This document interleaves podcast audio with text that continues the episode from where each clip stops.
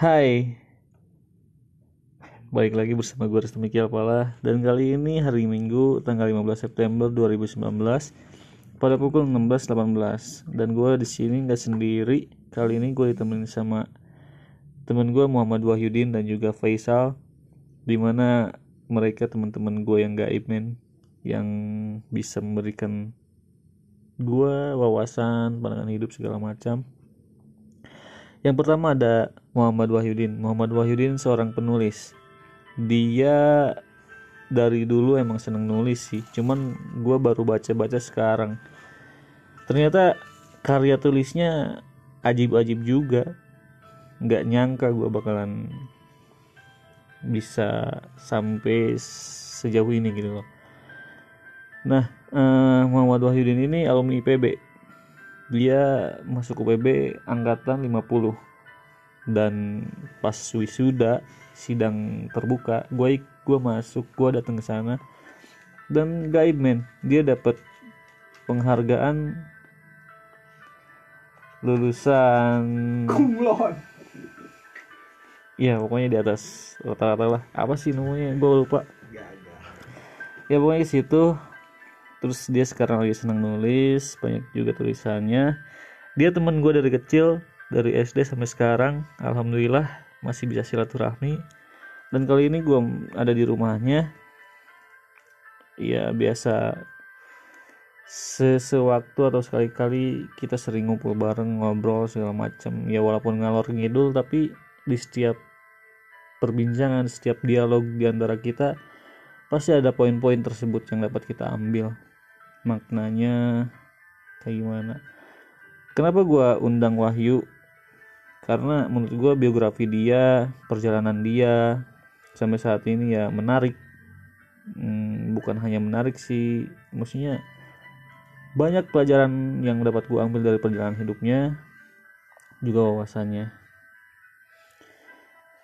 Dan satu satu lagi teman gue bernama Faisal. Faisal ini seorang mahasiswa dengan jurusan teknik informatika. Nah teknik informatika di salah satu universitas swasta di Bogor. Uh, Faisal sedang menginjak semester 5 ya Sal ya? Iya iya. Ya dia semester 5 kita doakan semoga kuliahnya lancar dapat nilainya memuaskan dan juga ke depannya semoga apa yang diharapkannya segera tercapai. Oh ya dan gue juga ini masih kuliah. Mahasiswa lama eh masih masih lama ya mahasiswa di atas semester normal lah maksudnya. Tapi gue minta doanya kepada kalian semua semoga skripsi gue lancar bimbingan gue lancar dapat hasil yang memuaskan juga. Dan ke depannya setelah lulus kita semua menjadi orang yang sukses di dunia maupun di akhirat ya insya Allah amin. Oke langsung aja di antara mereka siapa dulu yang bakal gue tanya-tanya nih mungkin Wahyu dulu aja kali ya. Oke kita perkenalkan samping gue seorang penulis dan lain-lain. Yuk kita kenalkan. Silakan sikat yuk. Aduh, selamat sore semua teman-teman yang dengerin suara ini. Perkenalan dulu dulu tuh. Ya perkenalan dulu Eh, nama gua Muhammad Wahyudin umur 25 tahun. Sebenarnya dari kecil sama Restu udah temenan dari sejak TK meskipun gua kakak kelasnya. Tentang langsung nulis tuh ini ya sekarang gue ceritain dulu deh. Kalau menurut gue sih lebih menarik kalau biografi lu lebih ngena gitu. Misal yang lu kan nggak pernah eh pernah nggak naik kelas yuk gimana tuh pengalaman lu nggak naik kelas. Aduh. Sebenarnya itu aib yang harus disembunyiin tuh. Tapi berhubung udah dibuka gitu. Mau nggak mau gue harus cerita ke teman-teman. Mungkin di antara teman-teman juga pernah ada yang gak naik kelas. Jadi kita senasib kalau misalnya ada. Jadi kejadian itu waktu gua kelas 2 SMA tahu sendiri kan kehidupan sekolah itu gimana? Kita pengen bebas gak suka sama peraturan. Pengen bebas lah pokoknya. Sering gak masuk malah. Ini untuk nongkrong atau main sama teman-teman. Akhirnya gue terlena tuh waktu sekolah. Dan pu- dan puncaknya gue nggak naik kelas. Akhirnya gue pindah sekolah dengan niatan sih pengen lebih baik lagi tapi ternyata di sekolahan baru gue nggak menjadi baik. Malah menambah buruk. Nah, aduh. Emang susah emangnya juga jadi orang baik teman-teman. Sampai kelas setahun awal di sekolahan baru gue sering Dikabarkan rasa mager menyerang milenial dari orang tua gua, orang tua gue sering dipanggil karena kasus-kasus di sekolah kayak kayak ngerokok atau apalah bolos. Puncaknya hampir di masa-masa kelas 3 di akhir di akhir kelas 3 gue mulai berpikir tuh. Ternyata hidup gak bisa gitu seneng-seneng terus. Harus ada tanggung jawabnya gitu tanggung jawab pribadi sama orang tua juga akhirnya gue mutusin untuk berubah dan mencoba berusaha lagi menggapai mimpi gue yang gue ciptain dari kecil. Meskipun pada akhirnya gue sering-sering banget tuh ganti-ganti mimpi. Mungkin teman-teman juga sampai sekarang gak tahu mimpinya jadi apa. Akhirnya dengan pertolongan Tuhan yang Maha Esa wih, box. gak bisa kuliah dan sampai lulus meskipun sekarang belum kerja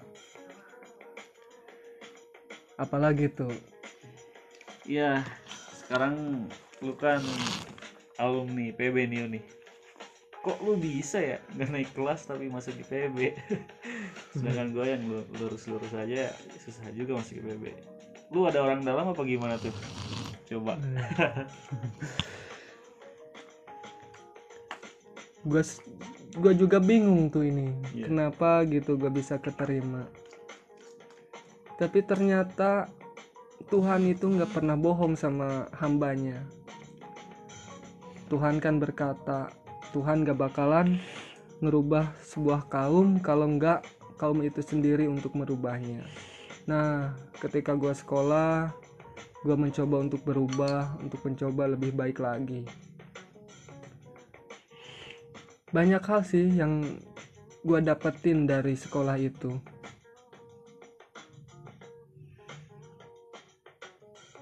Intinya bukan cara gue bisa masuk universitas sih sebenarnya. Malahan gue waktu sekolah nggak mikir yang muluk-muluk buat masuk universitas mana malah gue nggak tahu tuh universitas favorit yang mana. Nggak tahu lah. Yang gue lakuin cuman ngerubah diri gue untuk menjadi lebih baik lagi. Dan akhirnya Tuhan memberi kes- memberikan kesempatan sama gue untuk belajar di sebuah universitas. Kayak gitu tuh. Beru- keberuntungan lah Beruntungan Intinya. ya. iya. Apalagi nih Oke, tadi kan udah IPB ya, ya. Gimana caranya masuk IPB terus? Lu jawabnya keberuntungan ya. Berarti lu bagian dari orang yang apa sih yang beruntung deh? Bahasanya hoki. enggak sih enggak hoki maksudnya gitu. Terus gini yuk, sekarang kan gua kenal sebagai penulis nih dari beberapa tahun kita nggak ketemu, bukan beberapa tahun sih beberapa pekan bahkan ini nggak ketemu. Terus dari dulu juga emang seneng nulis, jadi penulis juga, banyak baca buku juga. Nah, gue sih sebetulnya gue juga pengen banget gitu gampang baca buku kayak lu, terus bikin tulisan, karya tulis segala puisi segala macem. Nah awalnya gimana sih? Lu bisa sampai saat ini untuk bisa nulis seneng baca. Gimana sih? Jadi adakah orang yang mempengaruhi atau sesuatu yang mempengaruhi lu untuk seneng nulis seneng baca? Atau lu lihat sosok siapa yang emang panutan lu sebagai penulis bukunya atau apanya gitu? loh. Jadi coba gimana ceritain awal lu memulai ini semua Kata orang, kalau kita pengen lihat dunia, kita harus membaca buku. Kalau kita kalau dunia ingin melihat kita, maka kita harus menulis. Makanya kadang waktu kecil tuh, waktu bukan waktu kecil, waktu sekolah pengen banget tuh orang-orang pengen ngelihat gua gitu. Dengan sebuah tulisan. Tetapi kalau sekarang kayaknya nggak bisa nggak bisa kayak gitu niat gua untuk nulis. Mungkin itu adalah sebuah perjalanan niat yang berubah-ubah. Kemudian ada lagi yang mengatakan bahwa sebuah pistol bisa membunuh satu orang tapi kalau sebuah tulisan dapat membunuh seribu manusia nah gimana tuh Karena dengan tulisan kita dapat berbicara sama orang, sama semua orang. Meskipun kita di rumah, tapi kita bisa berbicara sama orang yang membaca tulisan kita. Entah orang mana yang membaca tulisan kita aja tuh. Hmm, Kita sama aja sedang ngobrol sama dia. Kita bisa berkenalan sama semua orang. Intinya kayak gitu tuh. Menulis itu. Iya jadi tulisan dengan si pembaca ini kayak dialog interaksi gitu ya Iya, bisa juga kayak gitu jadi dialog interaksi. ya jadi ketika kita membaca buku kita memiliki imajinasi tersendiri tentang buku itu tersebut Iya, bener. Nah, ya.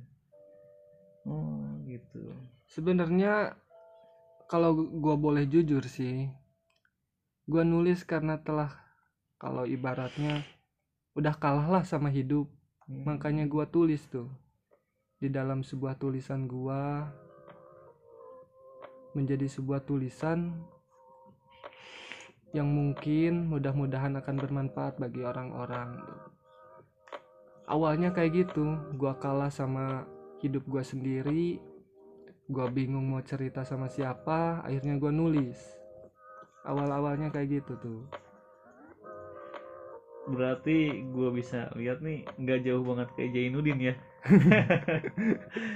Jainuddin kan seorang pria yang pernah dikecewakan lah tapi dia dikecewakan oleh cinta atau sosok perempuan gitu ya akhirnya dia kecewa segala macem dan dia luapkannya di dalam tulisan tersebut gitu loh. Iya. Nah berarti lu juga nggak beda jauh berarti lu pernah dikecewakan atau pernah terluka lah mengenai hidup ini mungkin ya emang seorang penulis kebanyakan seperti itu gitu karena kalau dia lurus-lurus aja ya susah ngambil ngambil apa ngambil karyanya gitu loh emang harus jatuh dulu mungkin Iya. down dulu mungkin baru di situlah pemikirannya terbuka gitu kan Hmm, gitu terus sekarang lu banyak buku apa banyak baca buku apa nih akhir-akhir ini deh jangan yang dulu dulu akhir-akhir ini lu seneng banyak seneng baca buku apa tuh Buku karyanya Jalaluddin Rumi yang judulnya Pihi Mapihi sama Semesta Masnawi.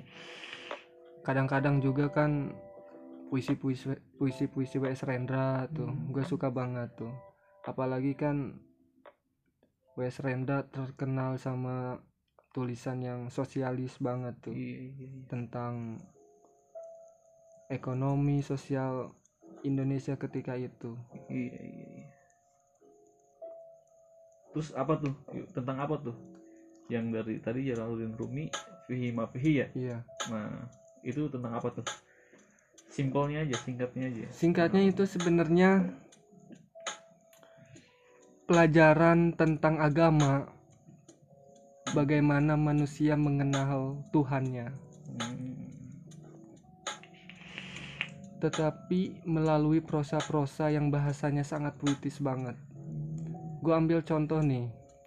Di tulisan Jalaluddin Rumi menceritakan seorang eh, rakyat yang sangat disukai banget sama seorang raja.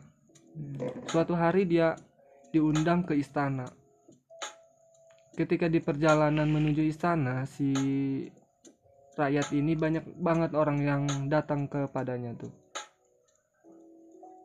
Minta sebuah permohonan agar si raja mengabulkan permintaan orang-orang tuh. Hmm. Orang-orang nulis di sebuah kertas, disimpan di sebuah tasnya si rakyat itu. Kemudian dia sampai di istana, tetapi ketika pas di istana dia pingsan karena rasa cintanya kepada sang raja. Hmm. Ketika dia pingsan, si, ra- si raja menghampiri. Si raja mengatakan, "Aduh, kenapa ini kekasihku? Dia membawa apa kepadaku?" Pas ketika si raja melihat tas itu, ternyata isi permintaan orang-orang banyak. Iya. Akhirnya si raja mengabulkan permohonan orang-orang banyak itu berkat si rakyat itu yang Hmm. si raja cintai. Ternyata itu adalah hubungan antara manusia dengan Tuhan sebenarnya Hmm. yang Jalaluddin ceritakan dalam tulisannya itu. Hmm. Singkatnya kayak gitu tuh. Hmm,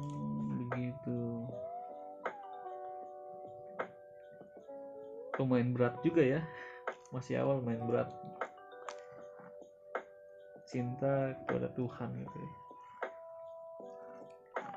Coba kelanjutannya gimana yuk? Gue sedikit terpancing nih. Agak sedikit menarik nih. Jadi masih ada rasa penasaran atau gimana?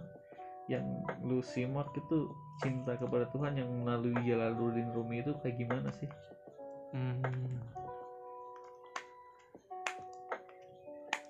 Jadi tulisan Jalaluddin Rumi itu sangat penuh dengan cinta.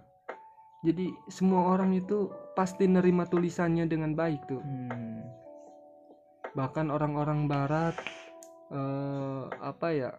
Kayak kematian atau kewafatan Jalaluddin Rumi itu diperingati sama mereka. Oh. Sementara kita kan yang muslim jarang sekali mengenal tokoh Iya. Jalaluddin Rumi ini.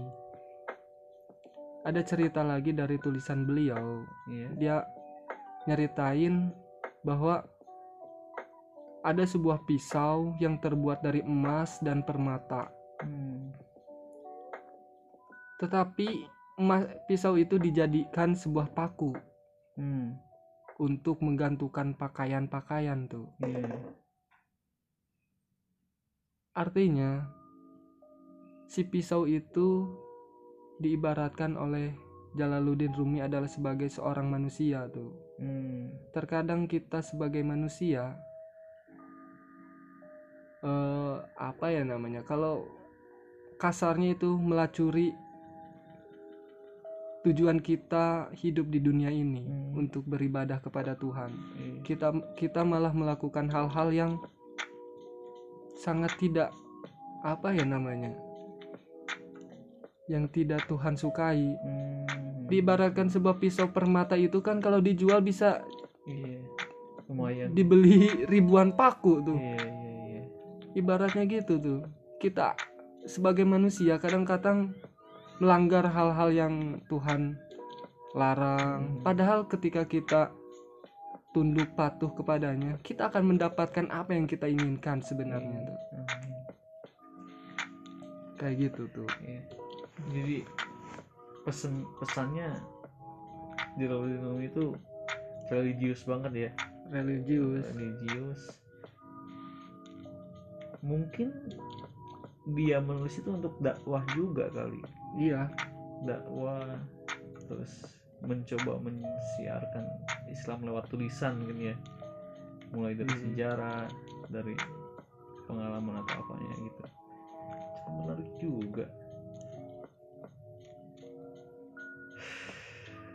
Jalan terus apalagi buku yang sekiranya menjadi trigger buat lu yang bisa memotivasi lu selain Jalaluddin Rumi gitu. Mungkin ada buku yang lain gitu. Ya buku kumpulan puisi Hairil Anwar paling. nah Hairil Anwar pastinya udah banyak dikenal iya, ya. banyak banget yang dikenal. Karena kalau kita baca satu puisi Hmm. kita sama aja baca banyak-banyak buku itu tuh Hmm. karena kadang-kadang nih penyair nulis buku dia ngerangkum banyak dari banyak buku dijadiin sebuah puisi aja tuh Hmm. banyak pelajaran dijadiin satu Iya, iya, puisi. iya, iya, iya. Dicombine gitu ya. iya keren banget Hairil Anwar kayaknya sebagai pemuda kita harus banyak banget belajar dari Hairil Anwar gimana dia cara mengambil keputusan yang sangat berani banget Iya, iya, iya. padahal orang tuanya itu lumayan mapan Hmm. tapi dia memutuskan untuk pergi ke Jakarta mungkin dikarenakan orang tuanya juga bercerai tapi dia memutuskan udahlah gak mau lanjut pendidikan dia ingin Hmm. fokus nulis gitu kadang kita sebagai pemuda kan jarang banget tuh bisa ngambil keputusan yang berat gitu iya. kita pengennya ngikutin alur aja kayak gitu. Padahal kalau kita belajar dari tokoh-tokoh Indonesia kita, negara kita, kebanyakan dari mereka adalah yang berani gitu mengambil Hmm. keputusan. Ya kita sebagai pemuda juga tentunya harus belajar kayak gitu tuh. Hmm. Tapi yang banyak gue denger terus banyak teman-teman juga denger ya Hairil Anwar. Putusnya putus dari cinta sih banyak kan. Bukan melalui bukan yang gue denger dari lu. Jadi wah nyari puisi cinta nih ya udah Hairil Anwar gitu. Banyak sih ke situ. Ternyata selain itu biografi dia juga menarik ya. Jadi menjadi trigger ke kitanya. Motivasi juga. Dari tadi yang disebut keputusan-keputusan dan lain-lain. Huh. Ngobrolin apa lagi yuk? Bebas tuh. Gua kan eh, cuman jawab doang di sini. doi narasumber men. Jadi gua harus pintar bertanya nih. Bukannya pintar menjawab malah pintar bertanya nih. Soalnya temen gue yang satu ini gaib juga. Mikirnya tuh bingung gue setiap pertanyaan pasti ada jawaban dan jawabannya itu asing. Jarang banget gue denger gitu. Terus sekarang kita tadi biografi udah tulisan udah buku udah. Mungkin nanti next episode kita bakal ba- bedah buku deh yuk. Kayaknya bedah Boleh. buku salah satu buku yang lu baca kita bedah kita ambil kesimpulan dan ya semoga aja nanti ada manfaatnya ada pelajaran juga untuk kita semua. Nah sekarang kita ngomongin masih dalam tahap buku apa apa gimana yuk Bebas asal jangan cinta aja. Wah, Karena gua jomblo. nah. Malah kalau digituin gue bakal bahas cinta. Aduh, gua salah jawab dong. nah. Jadi menjadi suatu kelemahan lu tapi bisa menguatkan lu, kita juga gitu. Jangan bahas cinta nah itu kenapa nggak bisa bahas cinta berarti lu punya alasan tersendiri mengenai cinta kan? Nah, maka dari itu yuk kita bahas mengenai cinta. Apa sih perspektif lu mengenai cinta gitu? Di umur sekarang ya yang yang di umur sekarang nih mungkin lu lagi, lagi dikecewain mungkin lu lagi gimana gitu loh. Gimana perspektif lu mengenai cinta? Ayo sikat yuk Mungkin waktu sekolah pengennya yang macam-macam ya kalau punya cewek tuh pengen Ya. yang kayak gini kayak gitu peng ya. lu juga ngerasain lah gitu. Boleh. Tapi kalau udah di umur segini gitu ya. banyak banget kekurangan gitu. Kayaknya kita nyerah gitu sama harapan-harapan kita yang Hmm. pengen cewek gini gini gini. Kayaknya kita udahlah gue pengen cewek yang dapat nerima gua padanya meskipun gue juga harus berubah gitu Hmm. berjuang untuk menjadi apa yang dia inginin tuh. Iya iya iya. Tapi sampai sekarang gue belum nemu tuh. Belum nemu. Belum. Lu nya tertutup kali yuk lu menutup diri. Terlalu nyari yang sempurna mah tuh gak bakal dapat dapat kali ya. Bukan bukan gitu. Ah tentang cinta tuh. Terus siapa nih yang lagi deket nih? Ada nggak ada yang lagi deket mah tapi bentar lagi dia mau nikah. Itu disebut lagi deket gak enggak lakor itu. Lakor. Aduh. Kalau bisa ngegagalin dia gay banget deh. Aduh. Keren deh. Janganlah. Aduh miris banget ya. Iya udah cuma satu-satunya mau nikah lagi. Iya. aduh kayaknya ya kita memang orang-orang yang gagal dalam asmara deh yuk. Gue jadi teringat ini film Google. Ada perkataan dari tokoh film itu yang ngomong kita adalah domba yang udah nggak laku di pasaran. Wow. Lu sih itu gua enggak Parah nih. Tapi kadang-kadang orang-orang juga pasti ngerasain tuh kayak Iya. domba yang udah nggak laku bingung. Gitu mungkin yang denger suara ini juga ngerasain hal yang sama kayak gua tuh. Aduh. Jangan sampai ya tadi masuk eh, pada intinya ya kita banyak pertimbangan sih ya kalau Iya. udah, udah di umur segini tuh banyak pertimbangan kalau SMA mungkin kita nggak cewek ya asal deketin aja gitu. Mau nggak mau Bener. ya samperin dulu aja gitu. Tapi sekarang tuh di umur 20 ke atas apalagi udah mau nginjak pertengahan nih pertengahan 30 gitu. Nyari cewek tuh udah banyak pertimbangannya men. Mulai dari finansial kita sudah sanggup apa belum terus mental kita udah siap apa belum gitu loh. Jadi itu tuh mengakibatkan kita untuk mencari pasangan tuh yang emang lebih detail gitu. Lebih mencari chemistry-nya dulu gitu. Mencari chemistry-nya feel-nya gimana gitu. Kalau misalkan dari chemistry dan feel itu udah dapet ya mungkin kita cocok-cocokan tuh bisa langsung nikah juga bisa gitu. Hmm. nggak cuma ngelihat sekedar fisiknya. Ternyata udah sekarang tuh lebih kepada pribadi orang tersebut untuk nyari istri tuh. Ya, sama sih yang gue rasain juga seperti itu cuman gue pribadi ada saat-saat di mana gue juga pengen ditemenin sama perempuan gitu loh kalau main kalau ke mana. Dan yang bikin jengkel kan sekarang Instagram udah dipenuhi banget kemesraan ya gitu ya. Aduh. Itu makin gue bikin sakit hati tuh. Lu gimana ya? Lu nggak nggak nggak ini apa nggak sirik apa sama orang-orang yang kayak gitu tuh? Gimana tuh? Yuk sirik nggak lu? Kalau jawaban singkat udah pernah tuh ngerasain kayak gitu. Tapi masa gue balas kayak gitu ya jawab kayak gitu. Dalam diri gue pasti pengen kayak gitu kayak orang-orang lah. Posting lagi pacaran. Iya. Pamer-pamer kemesraan atau galau-galau lah kayak gitu. Tapi kembali lagi tuh di usia kayak gini. Iya. kayaknya kalau gua kayak gitu juga nih pamer kemesraan. Kalau belum menikah gimana gitu? Iya iya iya. Susah juga tuh. Nggak puas-puas banget. Mhm. berarti pacarannya setelah menikah ya amin. Iya pokoknya bakal lu babat deh kalau udah nikah lu bakal posting setiap hari mungkin ya. Aduh nggak juga sih. Mau ngapain juga posting kan?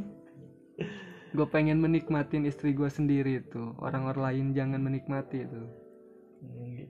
Gue sih kepikirannya kampret emang nih. Setelah nikah baru gue babat deh. Orang-orang biar lihat nih kemesraan gue sama istri gue kayak gimana gitu. Oh kayak gitu. Aduh.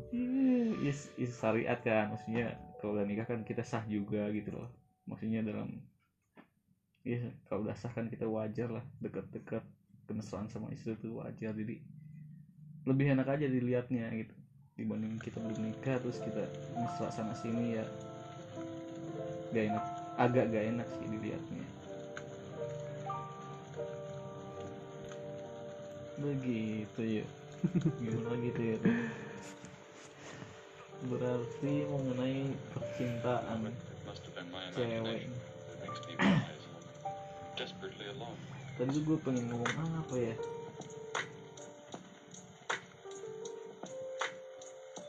Ini harusnya ada persepsi cewek sih kalau menurut gue persepsi nah nanti mungkin kita undang ya salah satu teman kita Oh, cewek. Iya.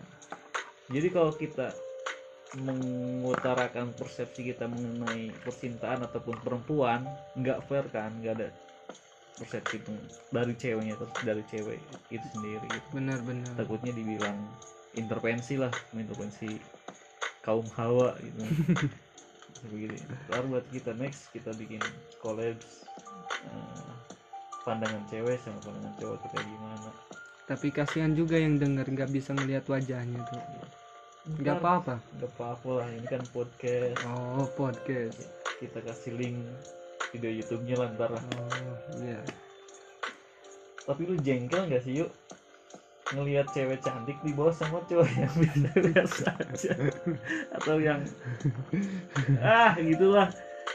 Kadang gue suka jengkel juga. Kampret masih gue kasih main kayak gitu sih gitu loh. Enggak ini sih maksudnya ya peribahasa lah. Kesel juga kan? Kalau gue sendiri sih sering nyebutnya Allah tuh maha adil. gitu. Allah tuh maha adil gitu. Iya gua juga sering perih mata gua tuh kalau ngelihat kayak gitu tuh. Kayak polusi gitu ngelihatnya. Kadang-kadang teman-teman tuh peribahasanya aneh-aneh tuh. GGM bilangnya. Ganteng-ganteng mubajir waduh gue banget nih. Aduh parah banget kan tuh ya. Aduh aduh. Gimana kalau menurut lo tuh? Kalau dibilang ganteng-ganteng mubajir Ih, susah juga ya kalau kita ngeliat dari generasi sekarang kan kita nggak nggak pacaran tuh kayak Nora gitu. Oh iya benar pelat gitu. Nggak pacaran tuh kayak yang dibilang. Sampai-sampai gue pernah dikatain homo. Jujur jadi gue udah lama banget nggak sama cewek gimana gimana gitu. Dari SMA lah mungkin. Terus gue punya circle gitu banyak teman gitu datang sana sini. Dan yang ditanya itu cewek lu mana? Cewek lu mana? Sedangkan gue nggak pernah bawa cewek di hadapan mereka gitu. Sampai mereka bilang lu homo ya? Lu homo ya? Ampun. sebenarnya bukan homo gue kan apa ya maksudnya gimana ya susah juga sih. Ini di umur sekian kan nggak nyari cewek tuh nggak langsung yang cocok cocok cocok gimana gitu. Jadi pertama banyak pertimbangan kedua juga gue nggak mau ada syariat yang gue jaga lah istilahnya. Hmm, iya. Mungkin ya gue nggak terlalu religius nggak terlalu ngerti juga agama enggak cuman gak enak aja gitu dilihat orang lain orang gimana gitu. Tapi sebenarnya pengen juga gitu gak ada sih ceweknya gitu aja sih simpelnya. Kalau gua ditanya cewek lu mana mungkin gua jawab sama gua juga pengen ketemu gitu. Lucu nggak tuh? Parah gua lagi ngelucu sebenarnya nih. Tapi dia nggak ketawa gue nungguin lagi anjir. apa ini jokesnya apa poinnya apa? Gua kan orang nanya mana cewek lu? Gua jawab sama gua juga pengen ketemu. Oh berarti gitu loh. Aduh parah ini. Gue batin banget ya dari lubuk berat banget tuh. Walaupun dua kata tapi tiga kata tapi maknanya miris gitu. Ironis gue dengernya. Iya kadang-kadang orang nanya yang gua juga pengen gitu ketemu tuh. Aduh. Aduh. Parah banget itu. Ya buat kalian yang jomblo-jomblo silahkan kontak kontak di. Instagramnya Muhammad Wahyudin 11 ya. Satu. S Muhammad Wahyudin satu Instagramnya tuh. Aduh. Apa kita harus menyanyikan lagu Sell on Seven nih yang apa judulnya tuh? Kami adalah pria-pria kesepian. Aduh. Jai. Apakah kalian siap mendengarkan suara palas kami? Aduh. Teman-teman kita udah banyak yang nikah ya. Susah juga tuh kalau lu mencapai sesuatu tanpa cewek tuh. Nah oke ini nih yang pengen gue bahas nih boleh nih coba gimana yuk gua baca puisi WS Rendra agak tersindir tuh hmm. puisinya kayak gini Kau tak akan mengerti bagaimana kesetiaanku menghadapi kemerdekaan ini tanpa cinta. waduh Coba bayangin ketika lu udah ngeraih sesuatu hal gitu yang lu inginin. Tapi hampa gitu. iya iya iya.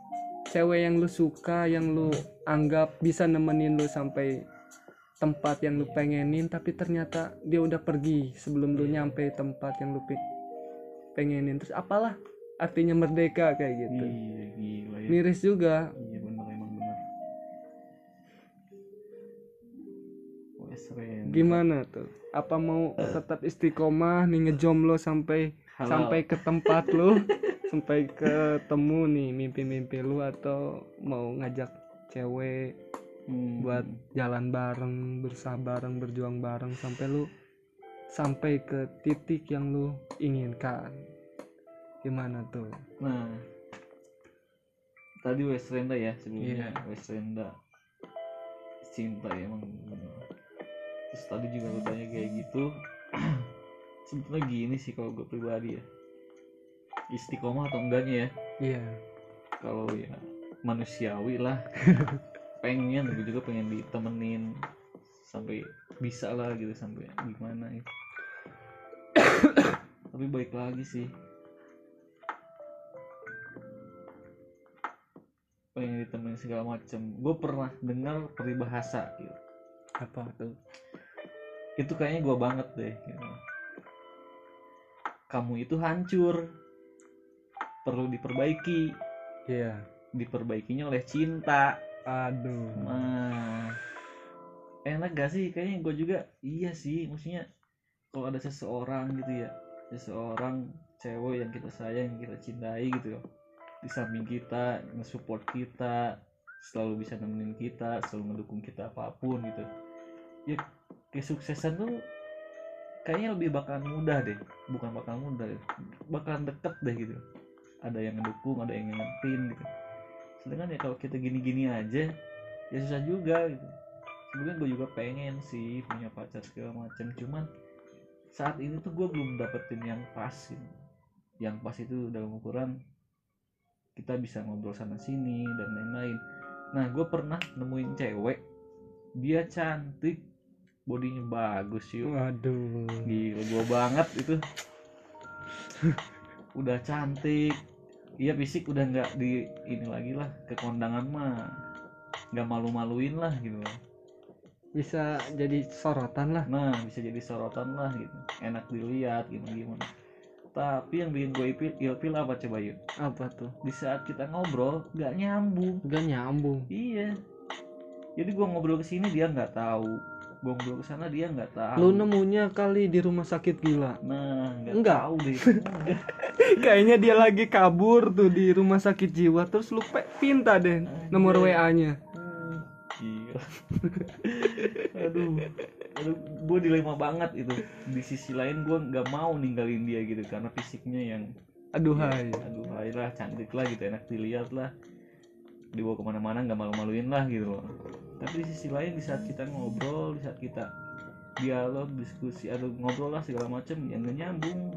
Gue ngomong ini dia nggak tahu terus iya, hmm, iya, iya, iya gitu doang, nggak bisa sharing gitu diajak sharingnya tuh susah ya taunya tentang pergaulan sekarang ini terus yang lagi hype maksudnya anak kekinian banget lah gitu loh Hmm. sedangkan gue pribadi kan nyari cewek tuh sebetulnya pengennya yang ya kita saling mensupport lah gitu. Ngobrol ke sini. Jadi ada ada opsi ataupun ada ada apa ya ada in- inovasi segala macam lah di obrolan tersebut tuh buat nge-trigger kita untuk ke depannya gitu. Sedangkan dia nggak bisa. Jadi gue ilfil. Ah ketemu ilfil juga gue ketemu cewek cantik ternyata kuper gitu. Hmm. gak makan kuper lah gitu. Jadi males juga kita ini betain juga gitu nah makanya dari itu perspektif gua mengenai cewek tuh udah beda lagi gitu. Sekarang fisik mungkin nomor satu juga cuman nggak terlalu dioptimalin gitu. Nggak dimaksimalin maksudnya yang gua pacarin kan bukan hanya fisik gitu. Tapi pemikirannya hatinya gitu. Jadi nyari cewek sekarang tuh gua nyarinya yang ya ngobrol dulu deh gitu. Feelnya dulu deh chemistry-nya dulu deh dapetin basic nomor kesekiannya gitu. Ya, begitulah menurut gue yang cewek tuh? Mungkin ini bisa jadi sebuah jawaban yang lu tadi ucapin tuh. Apa tuh? Yang lu tadi obrolin ada cewek cantik dibonceng sama cowok yang kurang beruntung. Iya iya iya, mungkin iya. mereka feelnya yang kena gitu. Iya benar. Si cewek itu nggak ngutamain fisik gitu ngut- ngutamain feel iya. Nggak nggak ngutamain feel atau isi dompet tuh tuh. iya iya bingung juga sih ngobrolin tentang cinta kalau kita jomblo gitu. Malah iya sih susah juga ya. Jadi iya. Tapi gini yuk. Sekarang tuh banyak banget yang pacaran lama tapi nggak sampai nikah. Bener kan? Kayaknya banyak yang tersinggung ini nah, yang denger. Lu yang lama-lama pacaran nih hati-hati aja gitu. Iya jangan sampai ketemu sama kita. Yes. pede banget ya. Sampai ketemu sama kita lu hati-hati lu. Udah deh. Joprak lu ketemu kita ya. Iya. Yuk. jadi apa ya maksudnya pacaran lama-lama gak nikah gitu. Gak sampai nikah. Ada orang baru nikah. Tuh. iya. Ya makanya dari itu gue ngambil kesimpulan anjir kalau gitu caranya ya emang mapan finansial iya. Makanya gue ngambil kesimpulan nyari cewek sekarang tuh ya kitanya harus pantas dulu gitu loh pantas dari identitas pantas dari finansialnya gitu mental segala macem. Lu mau nyikat yang udah 10 tahun pacaran juga bisa. Bener gak sih? Nyikat yang udah nikah gimana nah kalau udah nikah mah belibet deh. Jadi gitu loh gue jadi nggak percaya gak percayanya susah emang jadi gue berpikirnya sekarang tuh ngejomblo berlama-lama tuh. Ya karena gue ngeliatnya gue belum pantas belum siap. Ya jadi mau ngapain gitu? Ntar aja deh udah pantas udah ini. Gue sikat sikatin yang cantik gitu loh yang udah lama juga bisa. Ada peribahasan itu apa tuh? Yuk bahwa cewek itu sahabatnya adalah uang tuh. nah. Kalau uang nggak ada dia pasti marah-marah tuh hmm, bener dia kes dia sedih dia kesepian gitu. Emang hakikat cewek itu sahabatan sama uang tuh ya, ya, ya. gitu. Makanya sebagai laki-laki kita harus menyediakan sahabat yang terbaik untuk wanita itu. Bener berarti gini ya peribahasa dulu tuh kan peribahasanya itu kan kalau laki-laki tuh harta. Iya. Tahta Pepita. Jangan kita udah wanita aja deh gitu. Loh ada lagi peribahasa laki-laki semakin kaya semakin nakal. Iya. Kalau perempuan semakin nakal semakin kaya. Oh iya iya iya iya. Itu sih peribahasa bukan berarti kita ngejudge gimana sih. gimana tapi banyak juga gua temuin yang kayak gitu gitu emang pernah sih di suatu negara entah di Indonesia atau di mana ini Hmm. jadi kalau cewek bawa-bawa lamaran gitu membawa-bawa ijazah pasti ditolak tuh Hmm. kalau dia membuka paha baru tuh dia dapat kerjaan Hmm. kayak gitu Hmm. itu ya oh gitu jangan frontal banget atau iya? Mau, mau paha iya.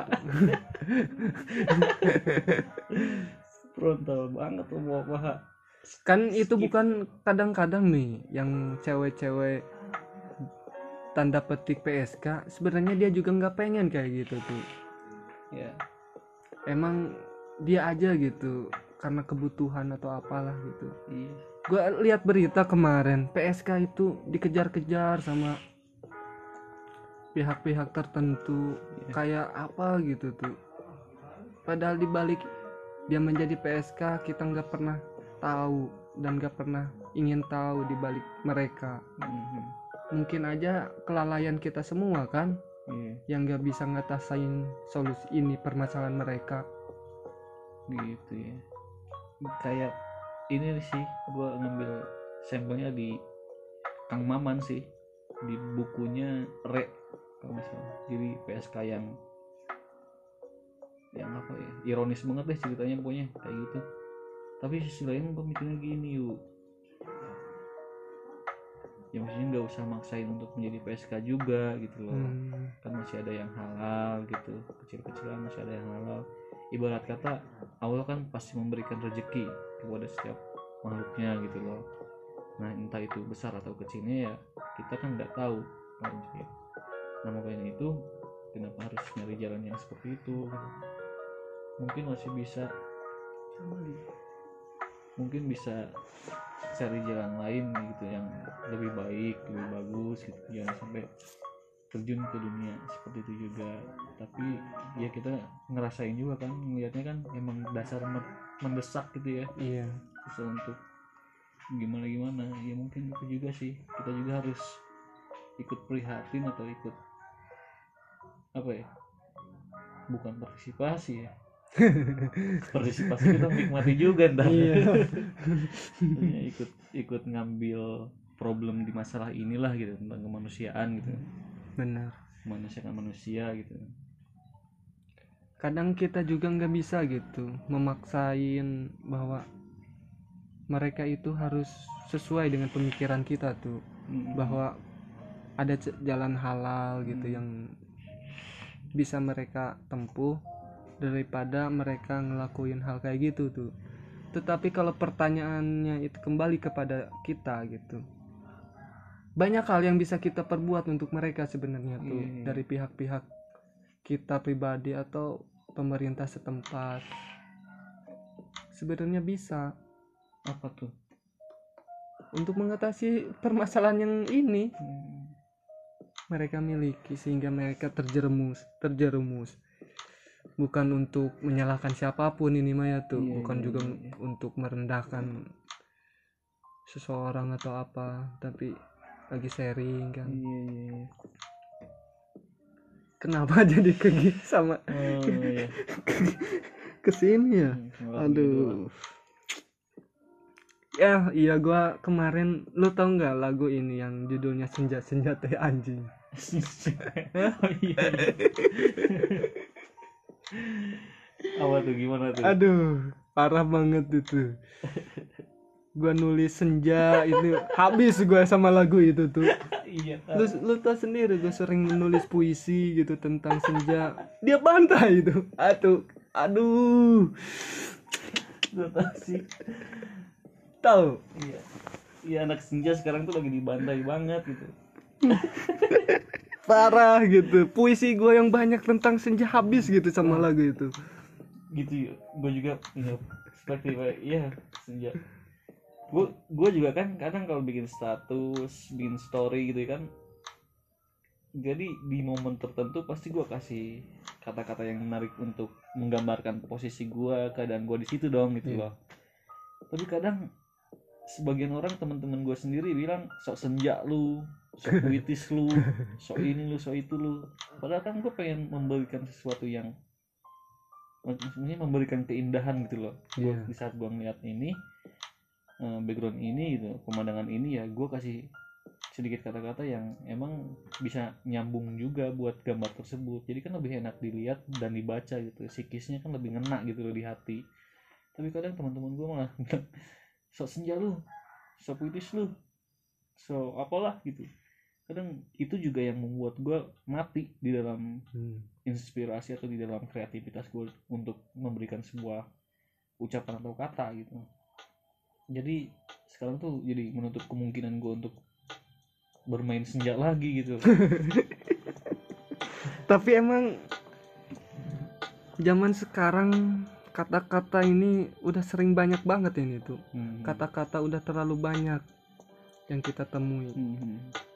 karena kalau kata-kata sering diucapin malah nggak berarti iya iya kayak janji mantan Hmm. kayak gitu kata maaf kalau sering diucapin kan maafin maafin iya. udah udah nggak balan berarti gitu Hmm.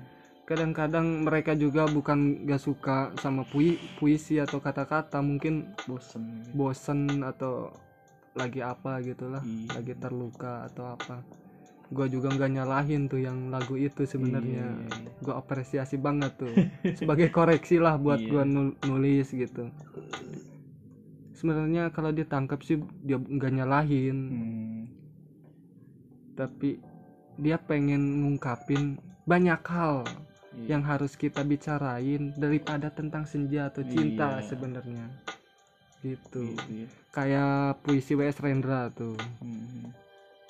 puisiku terbentur oleh penyair yang hanya menuliskan senja dan rembulan kalau nggak Hmm, salah iya. dan membiarkan ketidakadilan eh, hidup di sekeliling mereka kalau nggak salah kayak gitu Hmm. intinya kayak gitulah emang golongan-golongan emang yang punya jiwa kemanusiaannya tinggi Iya. daripada ngomongin senja cinta mendingan ngomongin lah yang lain gitu Iya. permasalahan di antara kita di sekeliling kita banyak banget yang harus diangkat gitu tuh Hmm. kan salah satu para budayawan para seniman harus mengangkat hal-hal yang kayak gitu juga kan Iya, iya, iya.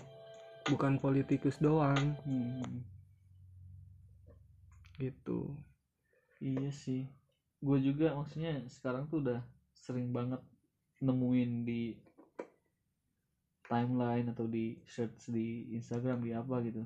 Makin pinter orang ngemas sebuah kata di dalam sebuah video gitu. kan. ya Makin ngena juga gitu dengan musik apa, gambar apa gitu loh. Enak juga didengarnya, dibacanya gitu. Jadi mungkin ya emang tadi yang lu bilang, emang orang tuh udah bosen dengan kata-kata mungkin ya. Iya karena udah bosan dikonsumsi udah banyak juga. Jadi kita beralih fungsi nih. Jangan bermain kata-kata yang kayak gini. Ya emang sih di umur segini tuh main romantis tuh udah basi kayaknya ya iya. Main romantis romantisan pacaran romantis romantisan tuh udah tak basi banget deh. Kayaknya hal romantis di usia kita ini tuh bagaimana kita meraih apa yang kita inginin tuh. bertarung sama kegagalan kepedihan. Kayaknya itu hal yang romantis. Kita berjuang iya iya iya. Meraih apa yang kita inginkan. Itu juga hal yang romantis sebenarnya kan. Nggak hal Hmm. tentang cewek aja. Gitu begitu. Iya. Hmm, sih jadi gimana ya? Kalau gue pernah berpikir gini sih, kita biografi ataupun datang hidup kita gitu, memperjuangkan kegagalan, memperjuangkan apa-apa gitu. Tapi kayaknya gak bakal didengar sih yuk, iya karena kita siapa gitu loh. Mm-mm. Karena gue berpikirnya ya ke, ke situ kita itu siapa gitu orang emang bakal mau bakalan mau dengar omongan kita gitu bakalan mau dengar nasihat dari kita ya. Benar-benar kita itu siapa? Kan karena, karena kan gitu. Peri- peribahasanya gini. Orang kaya orang sukses kentutnya aja didengar gitu. Benar-benar kentutnya aja didengar. Lah mau ngomong apa pun pasti didengar gitu. Lah kita gue siapa? Emang emang emang ke situ sih. Pikirannya situ. Jadi lu mau ngomong apa pun kalau lu bukan siapa-siapa ya cuma juga nol juga gitu nihil juga makanya sih emang harus dimulai. Dimulai dari nol juga sih harus bisa segalanya sih. Gimana tuh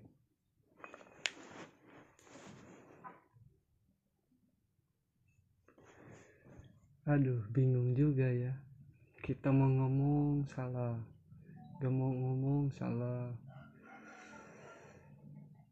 emang kita dituntut sempurna kayaknya di Iya. dunia ini Hmm. salah sedikit juga langsung Hmm. jadi kembali lagi tuh nih seberapa penting nih cewek dalam semangat lo seberapa penting iya penting banget lah penting banget iya kan makanya tadi udah bilang gue itu hancur ya.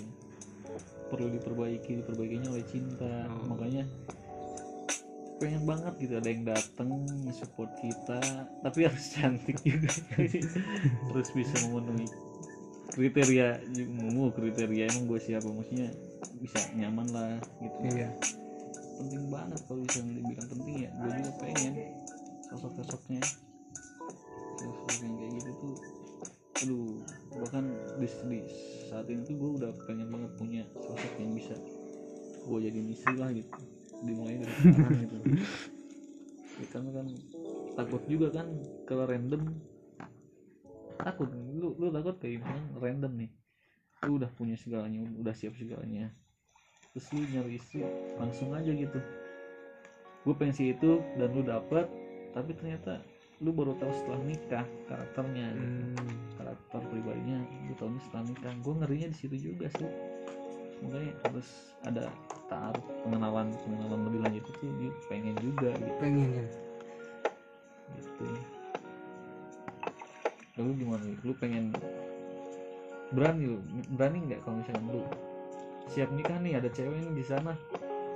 Lu mau dan lu nikahin berani? Nggak ada tahap pengenalan dan segala macem kembali lagi yang lu ucapin tadi ya tuh. Gue bukan yang ahli agama ya tuh. Kan kita lihat fisiknya dulu tuh apakah Iya. dia menjaga syariat atau belum tuh. Kan hal-hal batinnya kita nggak tahu. Makanya kalau gue ngelihat emang kalau dari syariatnya udah bagus nah, Hmm. ya udah. Kalau gue udah mampu gitu lamar dia mau jalanin.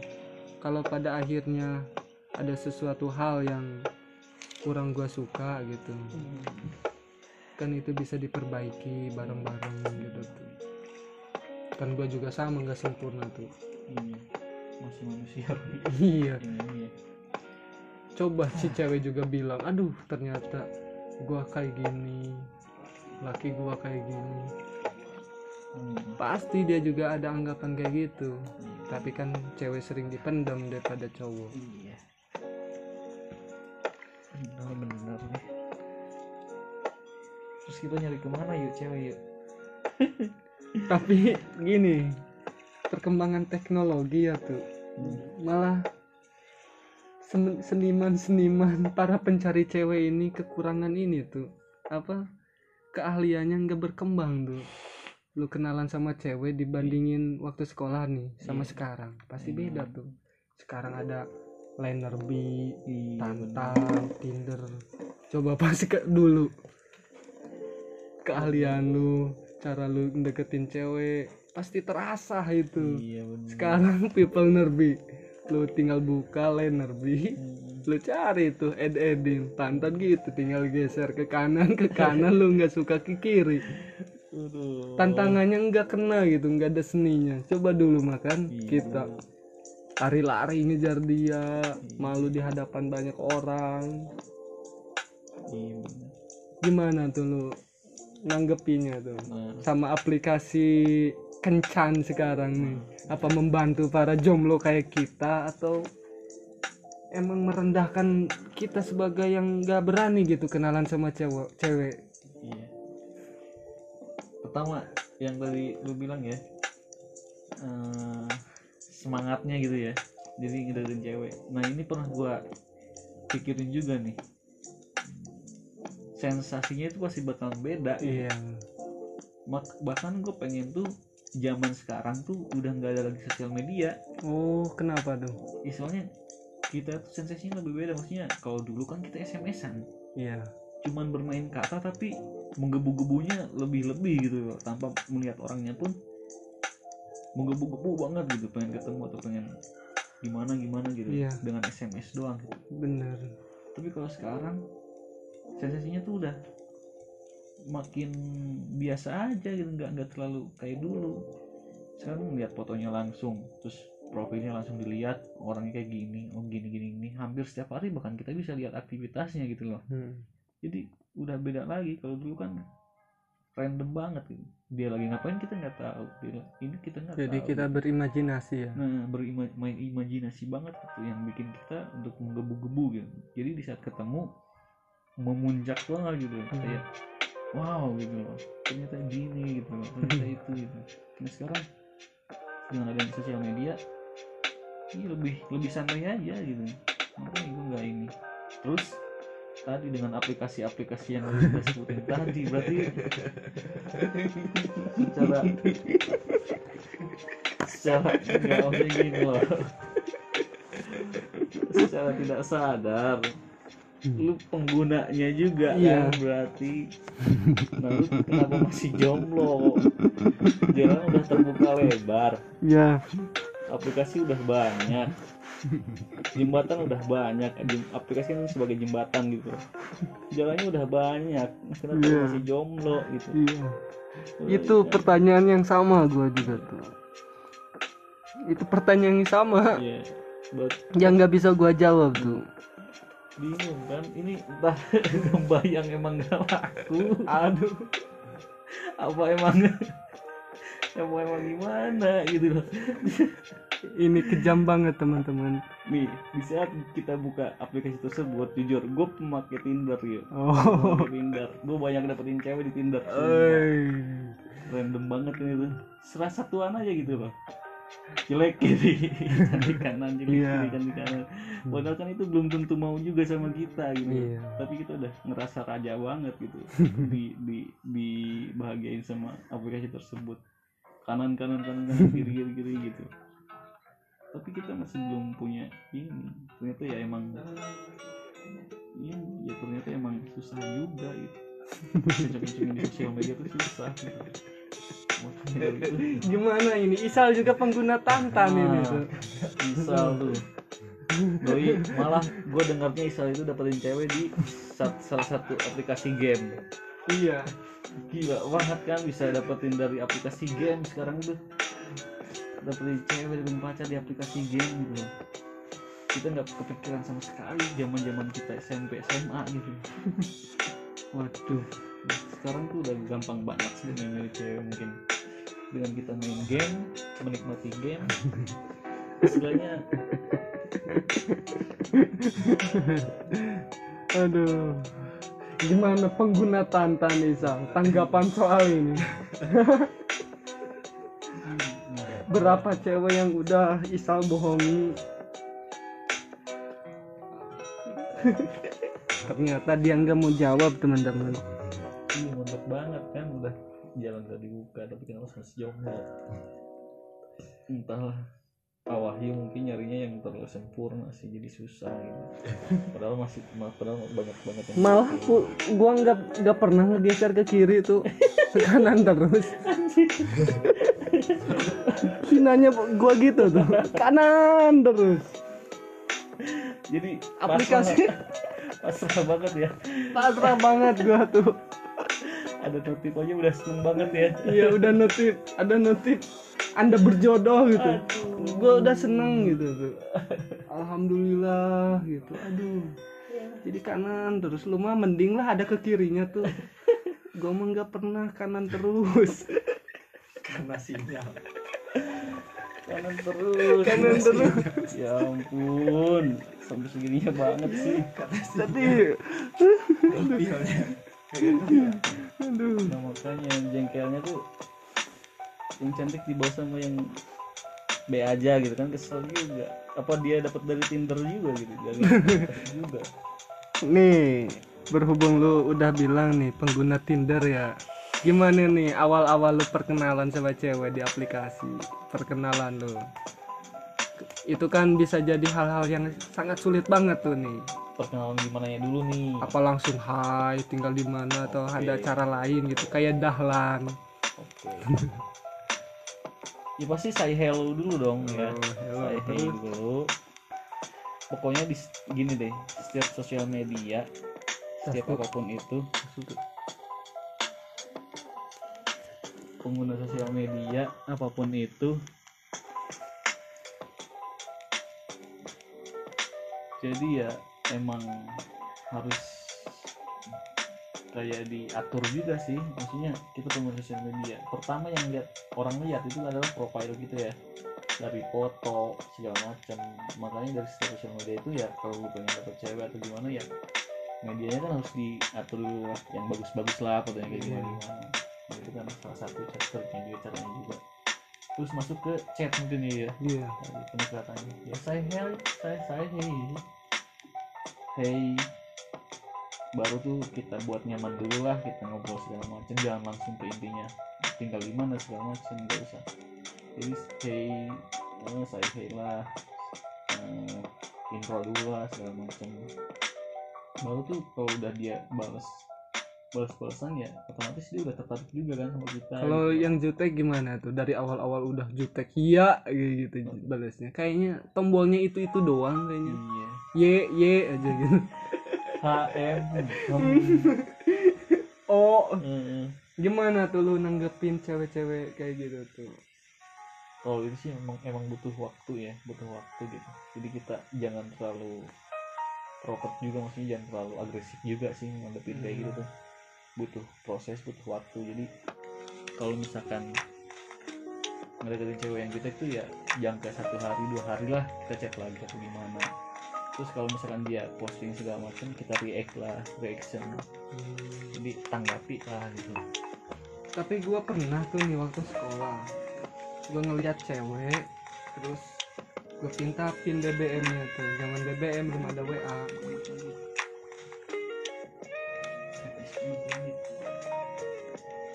gue udah bilang tuh udah invite nih di pin BBM nya. Gue langsung tembak tuh. Iya. Ya sama kayak yang lu ceritain tadi. Dia pasti nanya-nanya lah. Ketemu aja belum gitu. Iyalah. Tapi ada nih orang nih cara pendekatannya kayak gini tuh. Dia bilang kayaknya udah pernah lihat oh iya iya apa itu? I know I know. Perkenalan yang cukup bagus atau emang emang? Gimana gitu? Mantep sih itu. Iya kayak gua- ken- pernah kenal kayak Iya. pernah ketemu gitu. Lihat iya. Pas ditanya lagi gitu di mana? Dia juga pusing. People derby. Aduh ada orangnya tuh. Iya benar mujarab juga sih kadang. Mujarab bagus. mujarab gitu. Aduh. jadi buat dia mancing gitu loh mancing buat penasaran gitu. Makin penasaran makin ini dia balasin juga akhirnya gitu. Nah setelah itulah intro yang lain deh gitu. Nih banyak banget film nih. Lanjut.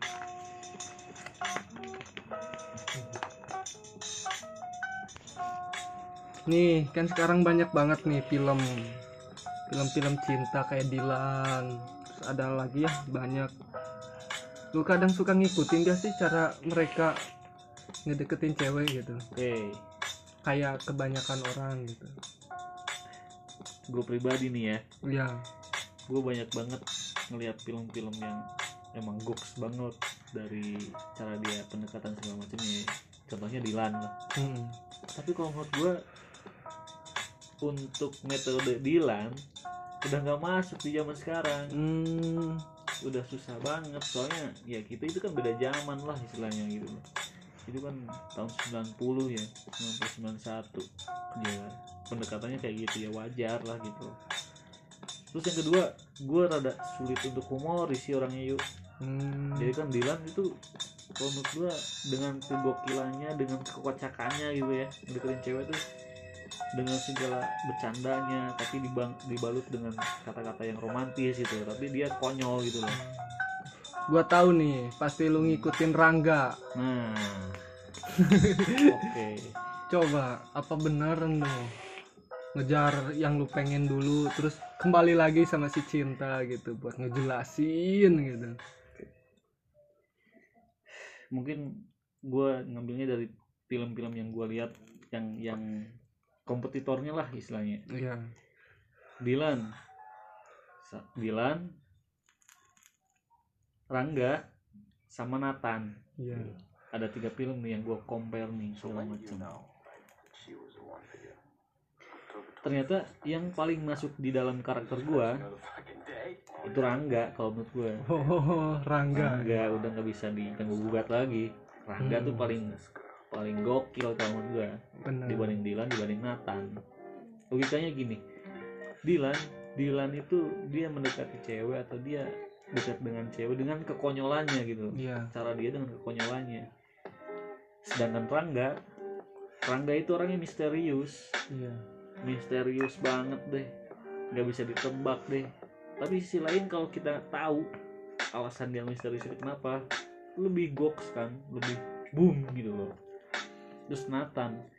Nathan ya biasalah gitu loh pada umumnya lah iya. ada ada hampir-hampir kayak Dilan tapi Nathan lebih gimana ya beda lah. Pokoknya nggak jauh sama Dilan sih kalau menurut gue Hmm. di antara film tiga tersebut yang mencirikan karakter gue banget ya itu Rangga. Nggak ada yang ini. Misterius puitis.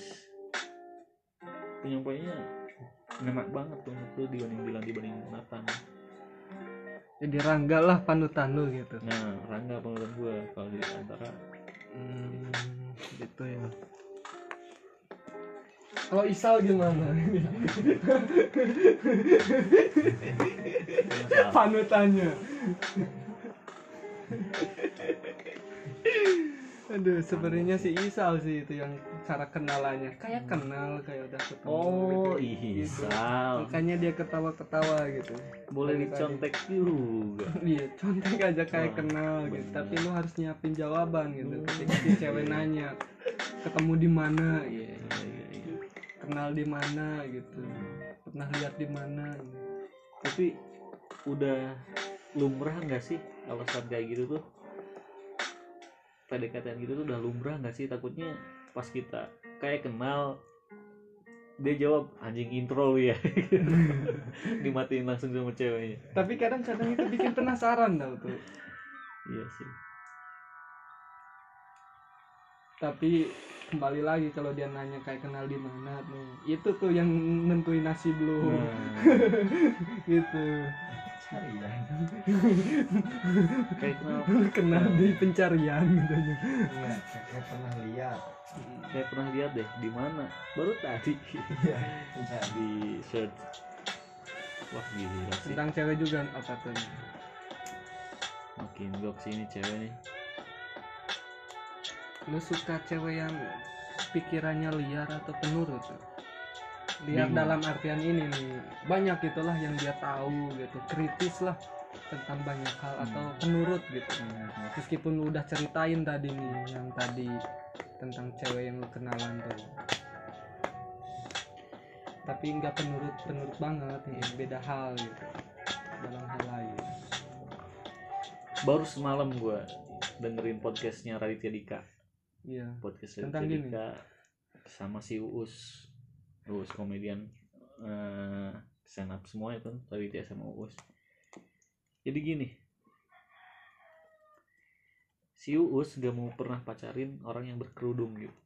Hmm, dia nggak pernah mau pacarin sama orang yang berkerudung. Karena apa? Karena dia nafsuan gitu. Karena dia nafsuan terus karena dia pengen sensasinya pengen apa yang dia inginkan gitu loh. Iya. Gue sempat kepikiran juga sih maksudnya gini loh. Uus nikahin ceweknya yang sedikit nakal lah. Hmm. kita bisa bilang nakal lah ceweknya. Anak anak malam gitu gimana sih? Tapi dia tapi sisi lain si cewek ini memberi memberi memberi apa ya? Membe, apa? Memberikan kepuasan bagi dia sendiri gitu loh. Iya. entah dari apanya. Nah makanya gue agak kepikiran juga. Uus pernah bilang gini lu ngapain ngacarin orang yang memang baik? Hmm. Pinter tapi nggak bisa memuasin tanda kutip seks lu gitu loh bermain lu gitu loh Aduh, bahaya juga ini Nah. Kuadrat S. jadi gue gitu Tapi gua agak lag- ini inget lagi film yang lu Gimana? kasih ke gua tuh. Fifty Shades of Iya, itu. Ah, penggemar Grey juga nih Wahyu nih aduh, aduh parah gua ini diracunin ini. sebenarnya si Grey itu kan bukan bukan bercinta ya tapi bersenggama nih. Oh, iya. punya kelainan kan. Kelainannya ya sensasinya harus seperti itu gitu. Kalau dia nyiksa si law si temannya itu ya harus disiksa gitu buat Hmm. kepuasan dia gitu loh. Gue gitu tuh gue masih bingung nih nyari yang bener-bener baik tapi nggak bisa muasin kita di ranjang gitu. Tapi apa kita nyari yang baik yang nakal tapi nggak bisa. Gimana? Aduh. Gue pengen yang baik sama muasir makanya susah. Waduh. Susah. pikiran juga. Gua. di media sosial banyak banget tuh apa yang. Ciuman. Yang ciuman tuh pas nikahan lu tahu nggak tuh? Oh iya. Menurut lu gimana tuh? Nggak nggak boleh lah. Nggak boleh? nggak boleh. Meskipun udah sah ya? Nggak boleh. Iya. bukan berarti lu sah bisa seenaknya lu mengumbar kemesraan yang frontal kayak gitu kan nggak boleh. Dia harus menjaga sikap juga kan. Kesel juga emang mentang-mentang udah nikah terus kemesraan yang intim atau pribadi itu diumbar ya nggak boleh juga gitu. Nggak enak juga dilihat. Malah ngejajnya kita ah, nikahnya main-main lah istilahnya kayak gitu.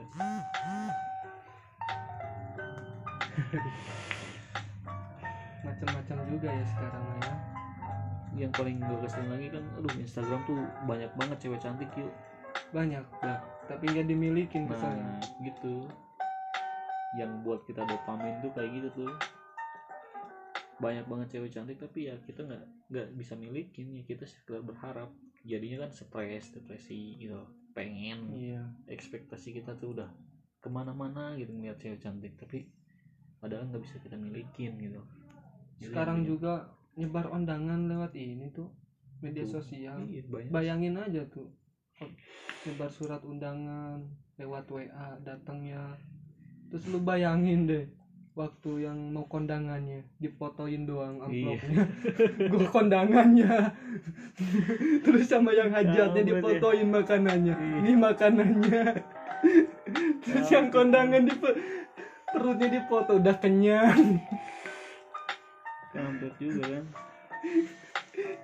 Setuju gak sih lu? Ini nyebar surat undangan di lewat ini Iya, kalau untuk- sosial gitu kalau untuk si pengantin sih enak minim- meminimalisir budget buat surat. Tapi kan kalau dari segi etika buat ngondang kan nggak kayak gitu juga maksudnya. Lebih enak kan ada ada yang dateng lah. Walaupun sekertas surat cuma dibaca terus dibuang tapi etikanya lebih baik gitu.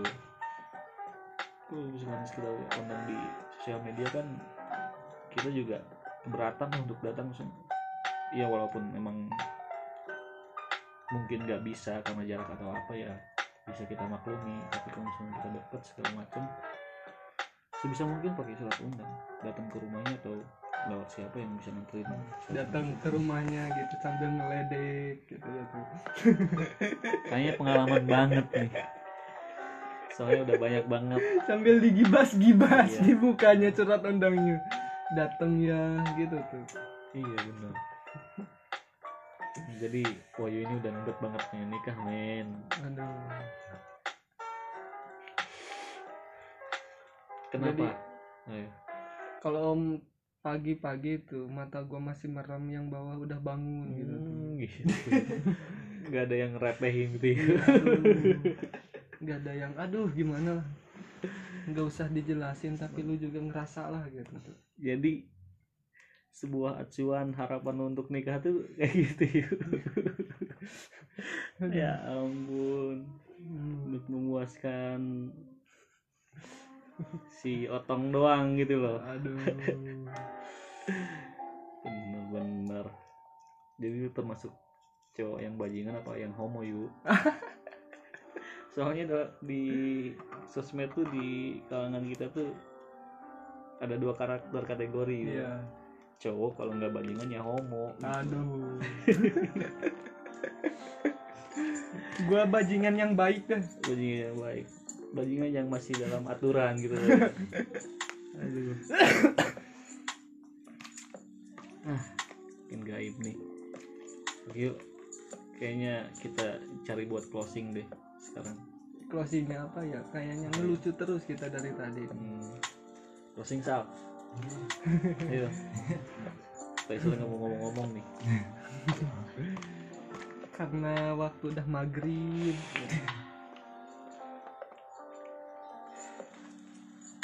Unek-unek juga udah di sharing iya. Lu juga mungkin udah bosen dengarnya. Hmm, bosan sih gue di ngeliat muka arah emang. Udah berapa kali ngetek ini? Ada lima kali kali ya lima kali. Wah udah berapa kali ngetek cuman gagal-gagal lagi. Ini yang paling paling bisa lah. Terus closingnya? Ayo closing dengan kata-kata ataupun notes apa ya? Masa kayak Karni Ilyas. Nah, kita bincangkan anda simpulkan gila iya bisa sih Setelah aduh Hmm, hmm. ayo tuh closing dari lu dulu dong Lu dulu kan gua Ya, ini, enggak lah. di sini kan lu yang jadi narasumber jadi lu hitam ini. putih juga dari komputernya yang nutup Enggak maksudnya gue minta dulu dari jokes dari lu lu lu Aduh. terus masukin baru gua penutupnya lihat sok kasih quotes kayak apa kayak apa ya quotesnya? Biasanya gokil gokil nih quotesnya Wahyu nih hidup ini udah kejam nah. maka jangan jangan sampai kita mengemis kebahagiaan tentang kehidupan. Waduh. Gimana maknanya gimana? ah ulangi ulangi ulangi. Hidup ini sangat kejam. Hmm. kita jangan mengemis untuk kebahagiaan dalam hidup ini. Hmm. jalani apa yang kita rasain. Hmm. syukuri apa yang kita dapetin hari ini. Tentang semua hal. Udahlah. Udah yuk Oke, udah sejam lebih kita berbincang dengan beberapa kali ngetek dari jam satu siang tadi dan akhirnya yang paling benar yang terakhir. Oke, eh, sekian dulu podcast gua kali ini bersama Muhammad Wahyudin dan juga Faisal. Ya semoga aja di dialog kita, di perbincangan kita tadi ada pesan ataupun kata-kata yang dapat diambil penuh makna ya silahkan kalian simpulkan kalian simpan tapi yang buruk-buruk ya lupain aja. Buang aja yang buruk-buruknya. Itu hanya sekedar guyonan agar kita lebih rileks dan lebih enak aja ngobrolnya. Oke eh, berhubung udah mau maghrib sholawatan juga udah kedenger. Mungkin cukup sampai di sini dulu aja podcast gua kali ini. Next mungkin kita akan collab lagi yuk. Kita bikin lagi yang lebih gokil yang lebih gimana sementara ini cukup kita sampai di sini dulu. Terima kasih buat kalian semua yang sudah mendengarkan ataupun baru dengar podcast kali ini. Terima kasih atas supportnya terima kasih atas partisipasinya untuk mendengarkan. Salam dari gua Restu Miki Alpalah terima kasih. Assalamualaikum warahmatullahi wabarakatuh. Bye